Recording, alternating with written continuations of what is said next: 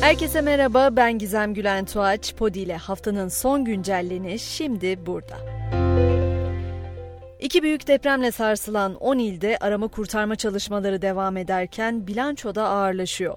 Can kaybı 38.044, yaralı sayısı ise 108.068'e yükseldi. Bu arada evinin mutfağında çektiği yemek yapma videolarıyla binlerce insan tarafından tanınan sosyal medya fenomeni Taha Duymaz da depremde hayatını kaybetti.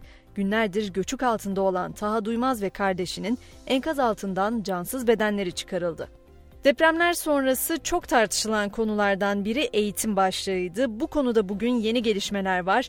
Depremlerin ardından üniversitelerin uzaktan eğitim kararı ile ilgili YÖK Başkanı Erol Özvar açıklama yaptı.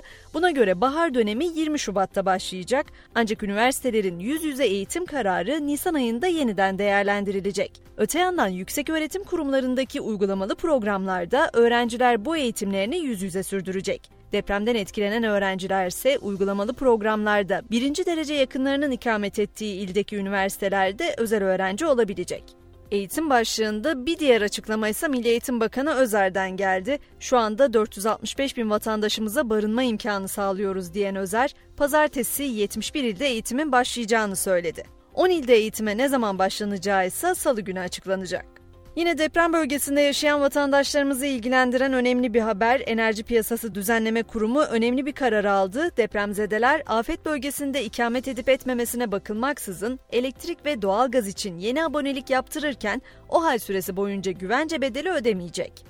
Hemen biraz da yargı koridorlarında gezinelim istiyorum. Depremlerde yıkılan binalarla ilgili başlatılan soruşturmalarda yakalanan şüphelilerden 83'ü çıkarıldıkları hakimliklerce tutuklandı. 62 şüpheli hakkında adli kontrole hükmedildi. Ayrıca 8 şüpheli hakkında yakalama kararı, 69 kişi hakkında da gözaltı talimatı verildi. Afet bölgelerindeki hırsızlık, yağma ve nitelikli dolandırıcılık olaylarına ilişkin soruşturmalar da sürüyor.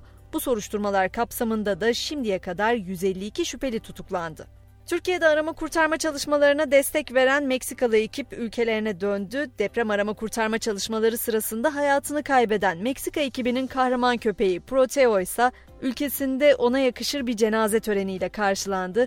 Kısa hayatı boyunca Proteo tam 22 kişinin kurtarılmasını sağlamıştı.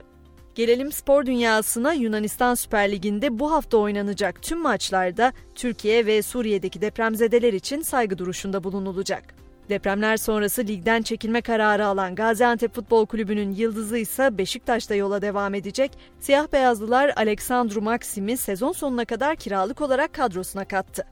Son olarak günün öne çıkan 3 başlığından daha söz etmek istiyorum. İlki Danıştay'a 17 yıl önce saldırı düzenleyen Alparslan Arslan'ın cezaevindeki ölümü, Maltepe cezaevinde yatan ve ailesi dahil hiç kimseyle görüşmeyen Arslan'ın koğuşunda intihar ettiği iddia edildi. Arslan'ın çöp poşetiyle kendini astığı belirtiliyor. Bir diğer konu Çin yönetiminden gelen Covid açıklaması hemen korkutmasın bu kez haberleri iyi. Çin geçen yılın sonunda Covid-19'da mücadelede ani politika değişikliğiyle kontrol tedbirlerinin gevşetilmesinin ardından salgının kontrolünde kesin zafer kazanıldığını açıkladı. Son haberimse Hollywood dünyasından bir süre önce afazi rahatsızlığına yakalanan ABD'li ünlü aktör Bruce Willis'in hastalığı ilerledi. Ailesi Willis'e demans teşhisi konulduğunu açıkladı. Ve güncelleni noktalarken öncelikle tüm inananlara Miraç kandiliniz mübarek olsun diyorum. Herkes içinse ümit ederim ki Miraç'ın kelime anlamı olan yükseliş, zor günler geçirdiğimiz fakat gelecek adına umutla dolu olduğumuz şu dönemlerde yeniden bir uyanışa vesile olur.